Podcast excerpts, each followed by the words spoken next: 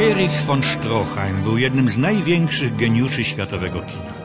Jednocześnie jednym z najzręczniejszych budowniczych własnej legendy oraz jedną z najtragiczniejszych osobowości sztuki filmowej.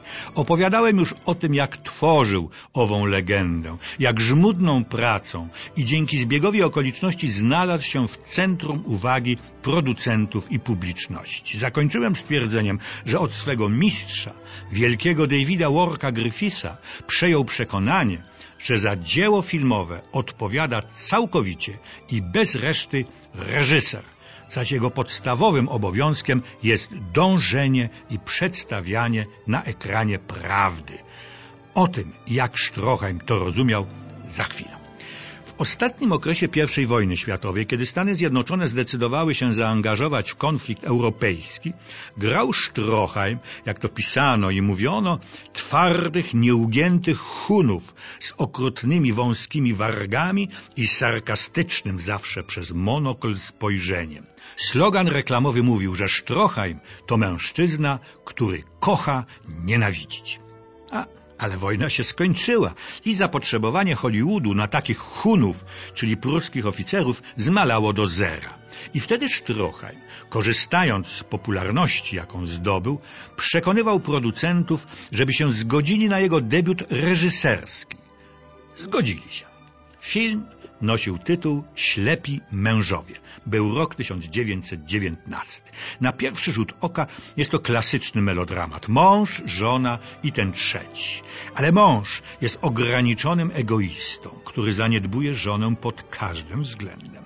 Żona, piękna, szuka zaspokojenia w tak zwanych związkach pozamałżeńskich. Ten trzeci to cyniczny, pozbawiony wszelkich skrupułów uwodziciel, oficer.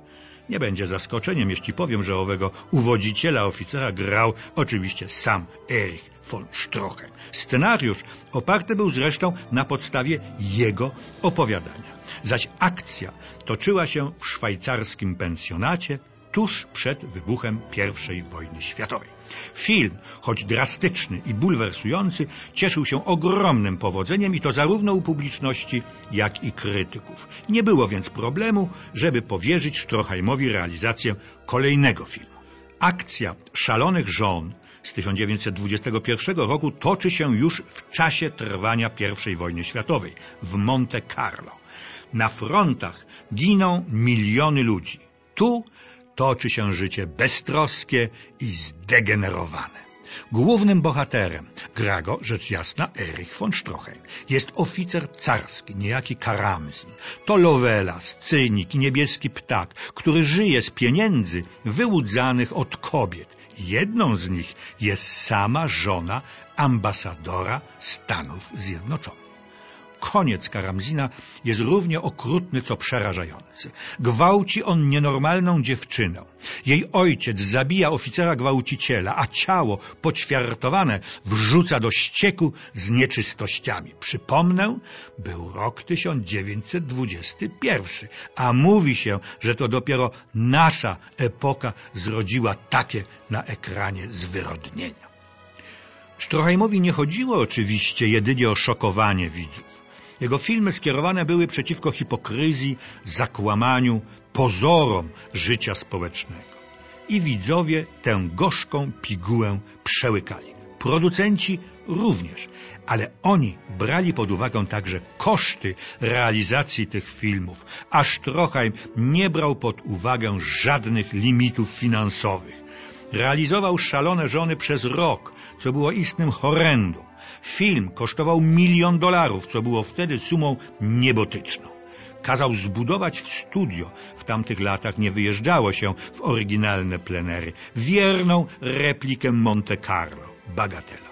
Jako przykład najbardziej kuriozalny przytacza się jego wielodniowe oczekiwanie, aż ptaki przelecą we właściwym kierunku. Film był fantastycznym sukcesem kasowym ale nie pokrył astronomicznych kosztów produkcji. Co więcej, odezwały się pierwsze głosy krytyczne. Zarzucano Stroheimowi, że obraża Amerykanów, szczególnie amerykańskie kobiety, że zachowuje się jak niewdzięcznik, któremu Ameryka, czytaj Hollywood, stworzyła warunki egzystencji i twórczości, a on odwzajemnia się ziemi obiecanej, lżąc jej mieszkańców. Następny film, którego realizację mu z łaski jeszcze powierzono, nosił tytuł Dziewczę z karuzeli. W trakcie zdjęć, kiedy producenci zobaczyli, w jakim kierunku przedsięwzięcie zmierza, odebrali Stroheimowi reżyserię. Tym samym wydali na niego wyrok skazujący. Hollywood był jednak przed laty miejscem niezwykłym, zaskakującym, nieobliczalnym. Skazany na filmowy niebyt Erich von Stroheim otrzymał jeszcze raz, dzięki zwykłemu przypadkowi, możliwość realizacji nowego filmu i szansę tę w pełni wykorzystał. W ten sposób powstało w 1925 roku jedno z największych arcydzieł światowej sztuki filmowej – Chciwość ale to temat następnej Odeonowej opowieści.